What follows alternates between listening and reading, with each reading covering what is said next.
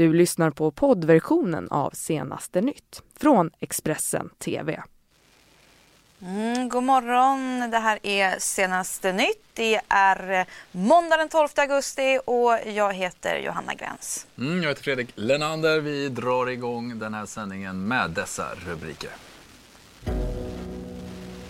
Ytterligare en misstänkt överfallsvåldtäkt i Stockholmsområdet i natt. Och Filip Botström omvald som ordförande för SSU trots intern kritik. Och så har det varit fortsatt våldsamma protester i Hongkong. Detta för mer än nionde veckan i rad. Ja, men vi ska börja med att en kvinna i 40-årsåldern ska ha våldtagits utomhus i natt i Järfälla nordväst om eh, Stockholm. Larmet om den här händelsen kom in 20 i 1 i natt och polisen de spärrade av området efter händelsen eh, och sökte dessutom av, då, eh, sökte av platsen med hjälp av hundpatruller. Eh, kvinnan fick föras senare till sjukhus. Ja, tidigare under helgen så rapporterade vi också om ytterligare en överfallsvåldtäkt eh, i just Stockholmsområdet. Då en kvinna anmält att hon våldtagits i ett buskage på Södermalm i Stockholm. Och så vidare till inrikespolitik. Ja, men det ska vi för eh, Filip Botström. Han blir nu omvald som ordförande för SSU. Eh, det stod klart igår efter att medlemmar då röstat på SSU-kongressen i Karlstad. Och det var ett enhälligt beslut trots att den interna kritiken mot hans eh, ledarskap bara växer. Mm, och I helgen så kunde vi också avslöja att Filip Bodström använt en kvarts miljon i sin personvalskampanj. Pengar som då tagit ifrån SSU Värmlands kassa. Under söndagen kunde Expressen avslöja att SSUs ordförande Filip Botströms personvalskampanj inför riksdagsvalet 2018 bekostades med en kvarts miljon ur SSU Värmlands kassa. Totalt handlar det om en kvarts miljon kronor som Botström använde för att fotografera sig bland annat med utrikesminister Margot Wallström för valaffischer, flyers och för att köpa sig personligt eh, reklamutrymme i tidningar. Botström har varit ordförande för SSU sedan augusti 2015 och blev omvald under söndagen. Men internt ifrågasätts hans ledarskap. I fjol fick Botström kritik efter att Kvällsposten avslöjat att en odemokratisk falang styrde det viktiga distriktet SSU Skåne. Botström sa då att det inte finns plats i SSU för människor som strider och agerar mot Socialdemokraternas grundläggande värderingar. Men enligt medlemmarna hade informationen redan funnits högst upp inom SSU utan att förbundet agerat. Året innan kritiserades Botström för att ha tagit taxi från Sälen till ett möte i Stockholm som han aldrig dök upp på. Kostnaden på 7 900 kronor fick SSU stå för. Han betalade senare tillbaka pengarna.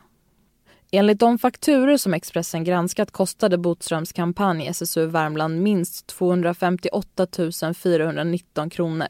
Den samlade valbudgeten låg på 205 000 kronor. En person med god insyn i SSU Värmland säger att en oenig distriktsstyrelse var satt under press när man accepterade Botström som sin kandidat. Personen uppger att det inte fanns något beslut om det stora belopp som kampanjen till slut kostade. Flera distrikt har ifrågasatt situationen. SSU Jämtlands ordförande Filip Svantesson säger att det verkar saknas demokratisk förankring till användandet av de stora medlen. Ordförande i SSU Halland, Anton Karlsson, säger att hans första reaktion är att det ser väldigt konstigt ut. Jag vet inte vad det är för uppgifter Anton Karlsson har fått ta del av, eh, så jag kan inte recensera hans reaktion. Eh, men när jag möts av de här uppgifterna och har försökt ta reda på så mycket som möjligt så eh, kommer jag fram till den beskrivning som jag har beskrivit för dig innan. Det är så här man brukar göra. Det är en distriktsledning, ett SSU-distrikt, som föreslår för sin styrelse ifall man ska ta ett beslut om att ha en personvalskampanj och det är det man har gjort och då är det också såklart SSU Värmland som betalar det här. Expressen frågade även Aziz om Filip Botström har kommenterat artikeln. Jag har faktiskt inte frågat honom om en kommentar på det. Han har varit ganska upptagen jag har varit ganska upptagen med det här. Har han tagit del av artikeln?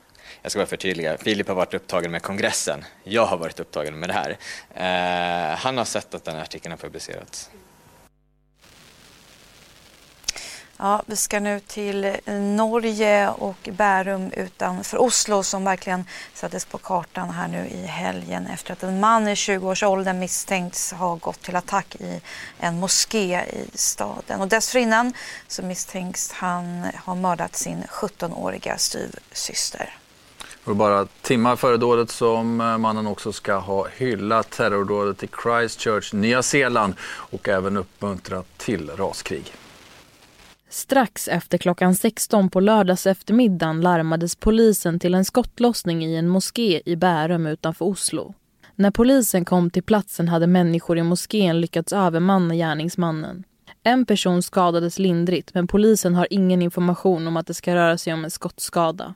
Detta är de två hjältarna som har sörjt för att ingen liv gick tappt igår. Ene holdt, andra slog och tog kontroll över situationen länge före polisen kom.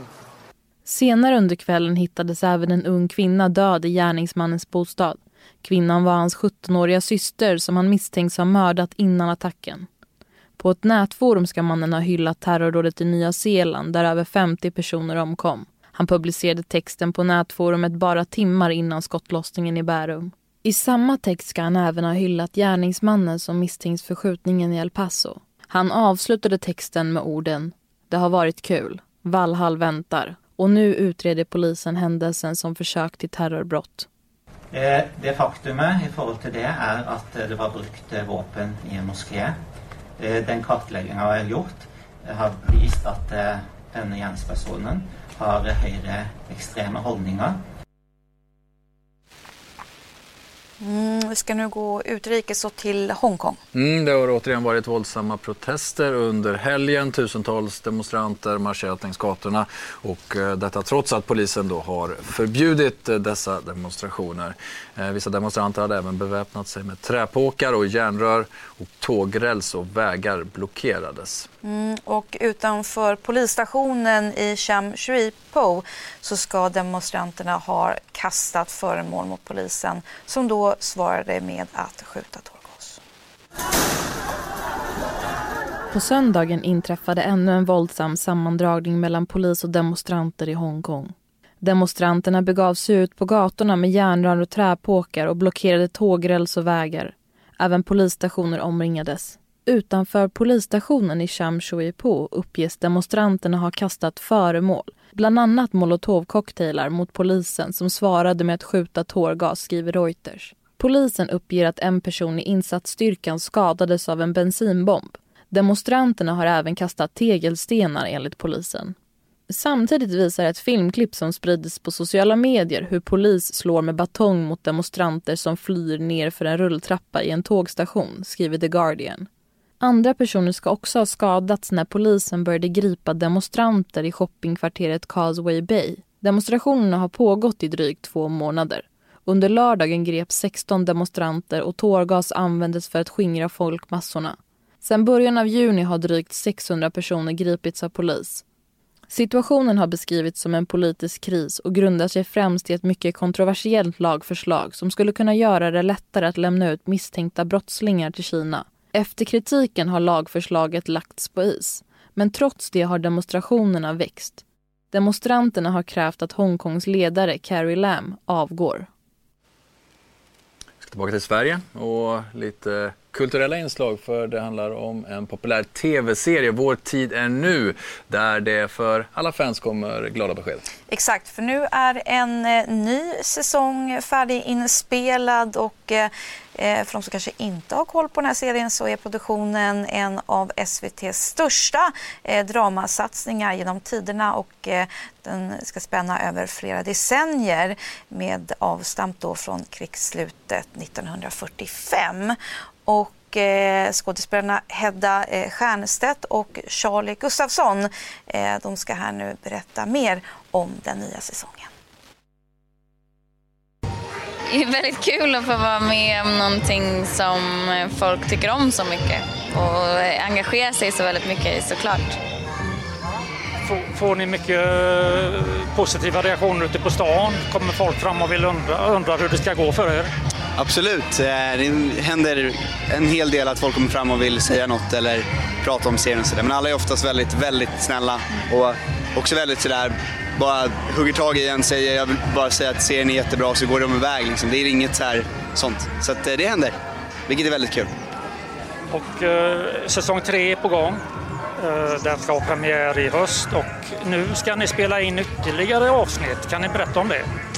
Vi gör en, eh, ja, en liten bonussäsong som går under namnet Julspecialen. Så att, eh, det är eh, fyra avsnitt som inte utspelar sig under julen dock utan det utspelar sig under sommaren i skärgården och det är eh, det handlar, handlingen kretsar nästan uteslutande om hur blev Nina och Kalle egentligen tillsammans första gången? Och hur var det, vad hände mellan säsong ett och två? Så det är den här lilla pusselbiten som har saknats kan man väl säga.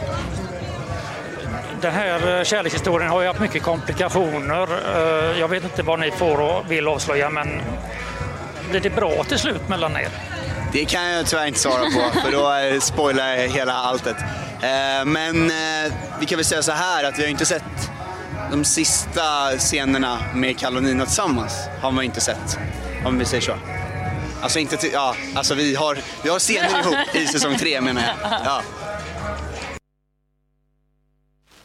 Mm, där kan man väl säga att de lämnar oss med en liten cliffhanger. Vi får se på serien så vet vi hur det blir med deras kärlekshistoria helt enkelt. Mm, vi ska också kika lite på vädret för det är ostadigt väder som fortsätter denna augusti som inte har gett semesterfirarna särskilt mycket härligt sommarväder. Det är eh, en hel del eh, då, eh, regn som drar in över landet eh, även vid starten av denna vecka och eh, det är en dygnsmedeltemperatur som sjunker även under 10 grader på sina håll och det betyder ju att det är meteorologisk höst på sina håll. Ja, men det gör det, men än så länge inte i de södra och mellersta delarna utan det är i de nordligaste delarna som alltså eh, har fått höst helt enkelt om man då ska se till en meteorologisk sådan. Ja, eh, och det får man ju då när eh, temperaturen, dygnstemperaturen sjunker under 10 grader alltså och håller sig där minst i fem dagar i sträck. Hösten har nu kommit till Sverige men trots ostadigt väder och regnskurar över stora delar av landet i helgen är det än så länge meteorologisk höst bara allra högst upp i norr. Nu tittar jag faktiskt på kartan här medan vi pratar och allra längst i norr har hösten kommit nu. Men jag tycker ändå sådär, jag menar det är ju större delen av landet har ju sommar, vi är bara i första delen av augusti så nog kan vi väl vänta med att prata allt för mycket höst, det tycker jag. Meteorolog Johan Groth förklarar att regnet kommer att fortsätta även den kommande veckan.